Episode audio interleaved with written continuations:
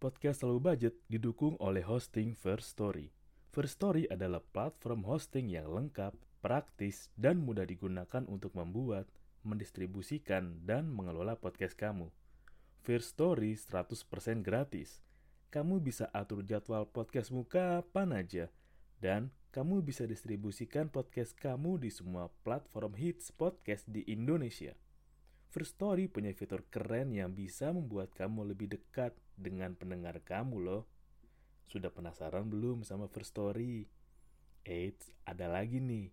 Dengan First Story Ads, kamu bisa monetisasi podcast kamu juga. Menarik bukan?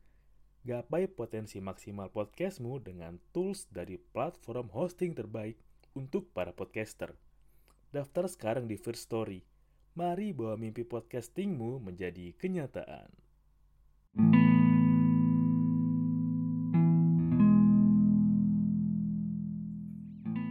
Yang tidak bosan menjadi orang rata-rata, yang berusaha selalu untuk berada di zona nyaman, menghindari resiko, duduk manis menjadi penonton, takut, buat karena takut salah, mencoba karena ya takut gagal, gak mau mencoba hal-hal baru karena sudah terlanjur nyaman berusaha mengerjakan sesedikit mungkin, tapi berharap dibayar banyak, bahkan dibayar lebih.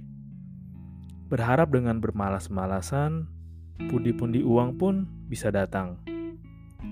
Mengandalkan fisik rupa, ingin menjadi yang dipuja. Coba tengok sekitar, atau tengok kanan kiri.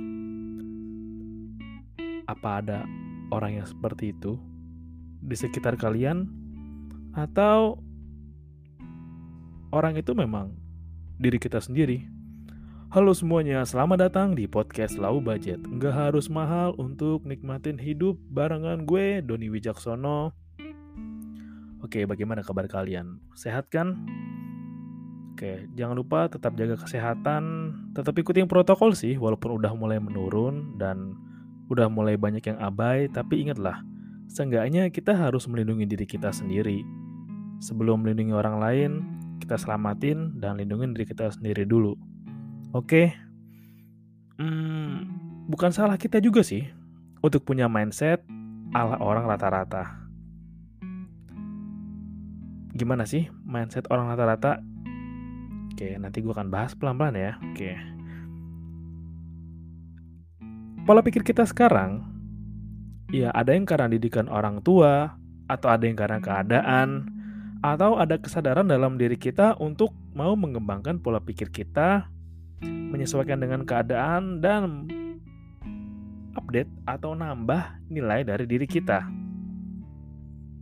Dan itu juga bisa jadi alasan sih, mengapa banyak orang lebih suka memandang bayangan yang muncul dari dinding goa lewat pantulan cahaya keadaan di luar. Ya artinya lebih banyak orang yang berada yang nyaman nyaman berada di zona nyaman daripada harus melewati liku-liku, melewati rintangan hal sulit demi bisa mengupgrade diri. Banyak orang udah terlalu terjebak pada zona nyaman akhirnya mereka menjadi disebut pemenang? Enggak juga. Kalah.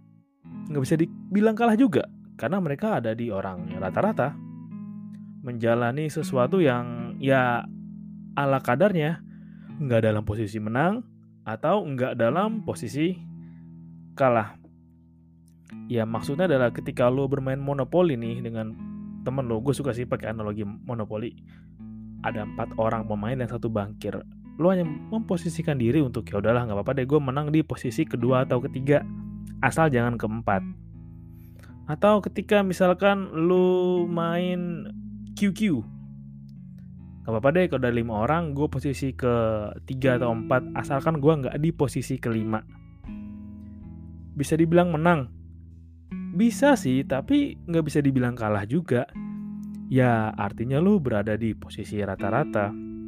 Dan ketika lu berada pada posisi rata-rata ini gue berbicara secara pola pikir ya bukan karena bukan ya keadaan atau soal uang tapi soal mindset sih dan perilaku. Ketika lu berada di rata-rata ya lu harus siap dapetin apa yang rata-rata juga. Lu nggak bisa minta untuk mendapat lebih. Dan ya apa yang lu dapat ya di atas dari kurang tapi lumayan agak di bawah dari kata cukup. Ya hanya rata-rata aja. Ibarat kata matematika ada deret angka 1 sampai 10 lo cuma ada di angka 4, 5, dan 6. Hanya segitu aja kan kayak, ya kalau 5 pas, kalau 4 hitungannya remet, ya kalau 6 artinya selamat dikit lah, nggak remet di, di atas angka 5. Kayak gitu aja sih.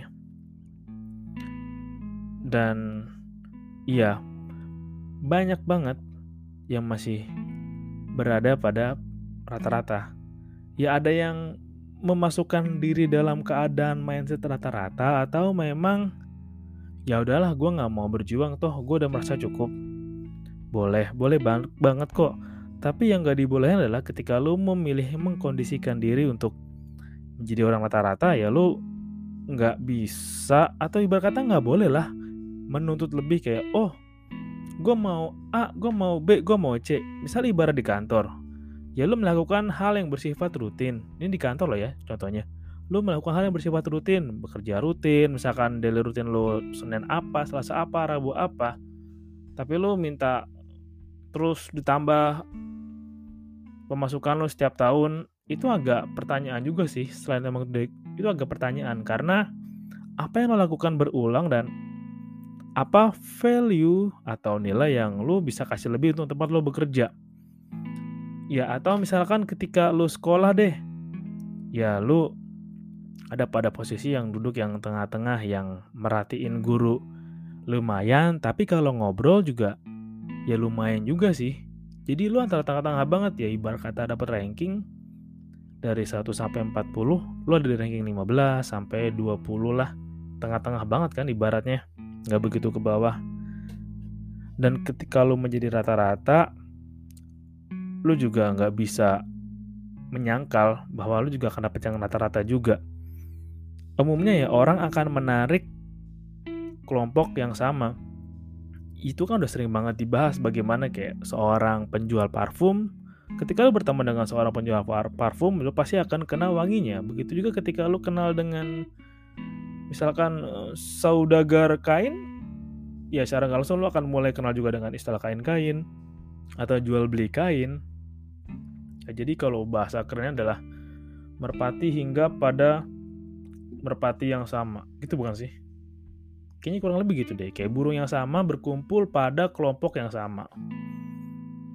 Kalau nggak salah sih gitu. Nanti boleh deh cari lagi kalimat yang benernya.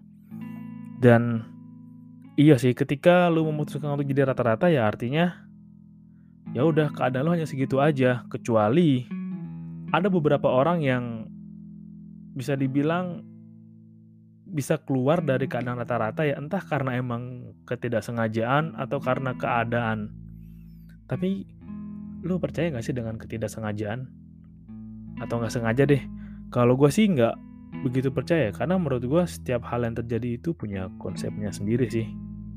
Dan terjadi itu punya alasannya sendiri kayak misalkan lu oh gede lagi beruntung aja tiba-tiba lagi di sini. Kayaknya enggak deh. Kayaknya lu diatur tiba-tiba ada di situ aja lu diatur oleh semesta ya lu di tanggal sekian jam sekian lu ada di sini. Itu udah ada rencananya dan udah ada alurnya. Ya kayak ibar kata dokter Stone lah udah ada polanya tuh ketika garis waktunya lu lagi di mana dan lu ada di mana. Dan gue nggak percaya kebetulan sih. Sama mana tadi? Oh iya ketika lu menjadi rata-rata ya berarti lu emang nggak boleh ngeluh sih karena emang itu kan pilihan lu. Sebenarnya rata-rata sih kalau menurut gue adalah lebih ke mindset dan lebih ke bagaimana cara lu menyikapi banyak hal. Ya kayak orang rata-rata yang tadi gue sebutin kan ah gue takut mencoba nih karena gue takut gagal. Aduh gue grogi nih malu nih. Lah nggak aja deh. Ya sebenarnya sih ketika lo memilih menolak untuk mencoba hal baru atau menelusurin hal-hal baru lah dalam hati kecil lu sih gue yakin kayak ada rasa aduh kayaknya gue bakal nyesel nih. Ya entah kapan suatu saat gue bakal nyesel karena gue nggak pernah nyoba dan itu emang kejadian sih. Ya kan gue udah pernah tuh beberapa kali bahas di episode podcast gue yang sebelumnya. Ya juga-juga kita nanti suatu saat ya cuma nyeselin hal-hal atau keputusan yang nggak berani kita ambil. Entah karena takut duluan di depan atau emang karena ya takut aja padahal ya takut itu hanya ada di pikiran lu sih. Ya apa yang kejadian kadang emang nggak lebih parah dari apa yang lu pikirin. Cuman ya kadang misalkan uh, lu memilih sesuatu misalkan lu berani deh kayak nusukin lu pernah waktu SD kan tuh kayak nusukin jarum pentul ke kuku kelingking lu yang panjang. Nah mungkin dalam pikiran lu kayak wah seram banget nih kalau nusukin kuku eh nusukin jarum pentul atau peniti ke kuku nanti bisa infeksi bla bla bla. Padahal kalau di tusukin ya udah keren aja gitu. Pasti lu juga pernah kan kayak waktu SD kuku kelingking lu panjang terus lu cantolin peniti terus ya lu ngeliat wih anjing keren banget kayak tindikan di kuku nih keren nih. Padahal nggak seserem lu bayangin cuman karena lu udah kemakan oleh mindset lu ya udah jadi kelihatannya serem aja. Itu kan dan ya yang paling nyebelin adalah ya ketika lo jadi mindset rata-rata ini beberapa sih kalau survei gue ya eh, cara pengamatan gue aja ada yang pingin banget dibayar se besar-besarnya namun melakukan sedikit-sedikitnya. Ini emang agak kontradiksi sih. Kontradiksi kalau apa yang lo kerjakan itu bisa dikerjakan oleh orang lain juga. Jadi ya value-nya sama kayak misalkan lo bisa malu dengan lurus, orang lain pun juga bisa melakukannya. Kecuali kayak misalkan lo bisa melukis dengan pola abstrak. Itu emang butuh waktu pengalaman dan sense sih. Atau sense itu berarti kayak feeling lah. Bagaimana menciptakan lukisan yang bagus. Tapi ketika lu berusaha ah lukisan abstrak cuma gini dong cuma garis-garis random bla bla bla garis random bla bla bla dan lu minta dibayar mahal itu kayaknya bisa gak dipertanyain deh. Ya seni kan emang gak sesederhana itu sih kayak butuh pemahaman sendiri. Dan lu nggak bisa nolak juga kenyataan bahwa lu yang sekarang pun disusun dari apa yang pernah lo lakuin di masa lalu, apa yang pernah lo pikirin, dan apa yang lo pernah khawatir di masa lalu, semuanya lah itu membentuk diri lo yang sekarang. Beruntunglah yang dari dulu suka membiasakan melakukan hal-hal baik, hal-hal yang bagus tapi rutin lah walaupun kecil dan sederhana namun rutin dilakuin ya sampai beberapa tahun ke depan. Kayak misalkan lu punya kebiasaan rutin yang bisa celengin 1000 atau 2000 rupiah sehari dan lu biasa ngelakuin itu dari SD sampai sekarang itu berasa banget sih pasti lu nggak pernah kekurangan uang dan ketika itu kekumpul ya lu bisa beli banyak hal yang lu mau. Itu sederhana sederhana sesederhana kayak misal lu biasa ini baca buku ya ibarat kata dua lembar tiga lembar sehari lah dan lu biasain itu dari lu SMP atau SMA pasti lu akan membiasakan untuk ya bisa namatin satu buku dalam satu bulan dan ya orang rata-rata itu oh sorry orang yang di atas rata-rata itu adalah orang yang mampu mendobrak polanya sendiri yang berulang jadi ini gue ngambil juga sih sedikit referensi dari bukunya Pak Bung Chandra yang The Science of Luck. Ya ketika lo mau merasa beruntung, lo harus bisa mendobrak rutinitas atau keyakinan dalam diri lo sendiri dan menciptakan pola yang baru. Ya iya sih, hanya orang yang rata-rata pasti hanya terjebak dalam pola yang sama. Jam ini ngapain, jam itu ngapain, pagi makan ini, siang makan itu. Dan ya udah nggak ada perubahan kayak ya kalau bahasa kena tuh ya wayah tet wayah dut wayah bangun wayah turu ya pokoknya gitu-gitu aja udah nggak ada hal yang baru ya kalau misalkan bagi orang yang kerja datang ya udah kerja terus istirahat siang makan terus istirahat kerja waktunya pulang pulang tank terus sampai rumah ada TV rebahan hai tidur. Pasti beda banget hasilnya dengan orang yang biasanya udahlah kerja. Eh pagi kerja. Terus siang makan lah sambil baca-baca dikit baca-baca tipis baca-baca berita dikit-dikit lah terus kerja lagi terus pulang belajar dikit-dikit baca ya tadi tiga lembar dua lembar sehari atau baca-baca artikel atau cari skill-skill baru yang ya sekarang kalau lu mau belajar skill baru atau mau cari hal baru itu banyak banget sih training yang gratis. Banyak banget lu cari di YouTube lah atau lewat Instagram lah lewat webinar-webinar lah. Atau gue juga ikutin sih lewat U Academy itu banyak banget. Ya lu sempetin waktu lu 15 menit 30 menit sehari buat belajar atau itu udah cukup banget sih dan lu nggak bisa samain orang yang menyempatkan dirinya 15 sampai 20 menit buat upgrade diri mereka, belajar hal baru dalam hidup mereka dengan orang yang ya udahlah jalanin aja. Ya udahlah ngikutin aja harusnya ke mana. Ya kalau jalannya jalan tikus, kamu mau ngikutin jalan tikus yang sempit liku-liku. Kalau arusnya arus comberan, gue mau ngikutin arusnya kayak air comberan, wes ragena ono kotor kuman. Lah kalau arusnya arus sungai sungainya Amazon lah keren toh.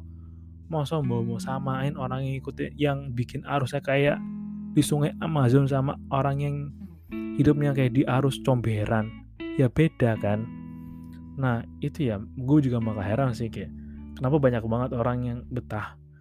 Ya itu masih zaman dengan rata-rata. Ya mungkin karena emang udah terbiasa nyaman dengan zona mereka. Cuman sangat disayangkan sih. Sangat disayangkan banget karena banyak banget waktu yang terbuang ya hanya untuk menunggu awal bulan atau menunggu bisa ini, menunggu bisa itu dan yang paling bikin gue heran ya yang menunggu agar hidup mereka ada yang ngurus kayaknya juga banyak deh. Ada beberapa jangan banyak deh kayak banyak mulu ya. Lah beberapa deh orang-orang yang aduh gue berharap deh kayak gue diurus oleh pemerintah atau gue berharap diurus oleh tempat gue kerja atau gue berharap diurus oleh instansi gue berharap boleh cuman emang lebih baik lo harus bisa mengurus diri lo sendiri sih. Karena ketika lo berharap ada sesuatu di luar diri lo yang bisa ngurus lo ya nanti lo akan bertemu dengan kekecewaan. Dan kalau misalkan lo minta pemerintah bisa ngurus diri lo pasti pemerintah lebih ngurus masyarakat yang lebih membutuhkan daripada lu lah. Karena lu siapa? Emang lu butuh banget dia perhatiin. Emang lu butuh banget kita cukupi gitu kebutuhannya? Enggak kan? Utama yang lain kan? Dan lu harus terima itu bahwa ya lu ngalah dulu lah. Masih banyak orang yang kondisinya di bawah lu. Harus baca ngalah dulu. Dan makanya ketika lu masih dalam kebiasaan orang rata-rata ya apa yang lu dapetin yang lu jalanin juga ya hanya biasa-biasa aja. Ya punya hal yang atau hmm, kasarnya gini kali ya Ki. Punya barang yang wah gue bela-bela ini punya barang bagus nih padahal lo nyicilnya empot-empotan atau wah gue bela-bela ini punya bisa punya sepatu yang bener-bener branded. Padahal ya lu ngos-ngosan belinya ngorbanin ini itu. Lain halnya dengan orang-orang yang atau mungkin ya aduh ketika gue diajak ngobrol gue biasanya sampai indong gue ngerti nih kalau bahas ini nih ya udahlah gue diem aja lah. Atau misalkan ya ketika lo diajak diminta pendapat ya pendapat lu ini ini aja lah dan lu diajak ngobrol lah cuma itu itu aja. Hanya obrolan-obrolan tipis lah. Beda banget kan ketika lo menemukan orang yang suka eksplorasi suka ah gue gak suka dengan rata-rata deh gue mau gue mau yang paling high gue mau yang paling tinggi gue mau yang paling wah. Pokoknya gimana caranya gue harus ningkatin diri gue gue harus up update upgrade diri gue sebanyak mungkin sebaik mungkin. Ya emang sih gue mesti nggak tahu banyak hal tapi ya gue tahu tentang sedikit tapi itu banyak. Itu kayaknya kayak mungkin kayak perbedaan general general dan spesialis ya kayak. Ya gue tahu sedikit tentang banyak hal.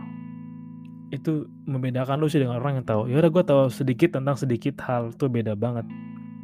Ya lu mau sampai kapan menjadi rata-rata? Mau sampai kapan lu berharap keadaan membaik berharap keadaan aman berharap keadaan bisa tetap sama sampai 5, 10, 15, 20, 100 tahun ke depan? Ya enggak lah yang namanya keadaan pasti bakal fluktuatif dan kita kalau mengandalkan pada satu hal yang sama kayak ya gue berharap nih bisa iya bisa berkejar terus misalnya buat yang kerja bekerja terus lah sampai 30 tahun 35 tahun dapat penghasilan pasti dan gue mau hidup aman yeay gue nikmati masa tua yeay tapi lu melewatkan banyak hal ya lu melewatkan bagaimana diri itu sebenarnya diri lu tuh bisa belajar lebih banyak berkembang lebih banyak dan bisa menikmati beragam banget hal-hal menarik dalam hidup. Lebih banyak cuman lebih memilih untuk ya gue main aman aja lah. Gue takut luka lah gue takut kena inilah takut itulah takut inilah inilah. Ya gue udahlah gue ya ibarat kata manusia Plato lo lebih senang tinggal dalam goa memandang ke dalam goa melalui bayangan yang masuk ke dalam goa itu dan apa bayangan yang lo lihat di goa itu adalah hal nyata padahal yang sebaliknya kenyataan ya hal menarik suka duka pahit manis nggak adil adil. Hidup ya ketika lo udah memutuskan keluar dari gua zona nyaman lo mungkin bukan zona nyaman yang sebagai oh zona nyaman nih kayak hmm, zona nyaman yang aku biasa hidup aman. Tapi ya zona zonanya keluar dari zona nyaman mindset lo zona nyaman lo yang ah gue mau belajar ini kok gue mau upgrade diri lagi gue mau tambah ini gue lagi. Seenggaknya itu ya pun mungkin apa yang lu dapat masih sama gitu atau lebih dikit lah. Tapi secara value lu bisa ngobrol dengan banyak orang lu bisa menilai dengan lebih luas lu bisa mendapatkan pemahaman lebih luas dan itu bisa membuat hidup lu secara nggak langsung bisa lebih berwarna dan bisa punya sudut pandang yang unik deh terutama ya ketika lu seneng hal-hal lucu itu bisa lu bisa ngeliat hal-hal komedi dalam sesuatu yang ya sebenarnya tragedi. Itu sih. Masih banyak lagi yang gue share cuman buat episode berikutnya aja lah ya. Oke ya gue harap sih lu udah bosan dengan zona nyaman lu dan lu mau keluar dari itu lu mau upgrade diri lu mau ningkatin lagi lah pengalaman lu, sudut pandang lu, pengalaman lu, ilmu lu. Jangan sampai terjebak dalam hal-hal sama yang rutin berulang karena masih banyak banget hal yang bisa lu nikmatin. Ya yang lu budget aja nggak perlu mahal untuk nikmatin hidup. Lu hanya perlu tahu caranya yang bener-bener lu banget, yang nggak harus wah banget tapi lu bener-bener bersyukur banget lu hidup. Oke, itu aja sih Thank you udah dengerin dan salam low budget. Nggak harus mahal untuk nikmatin hidup. Thank you.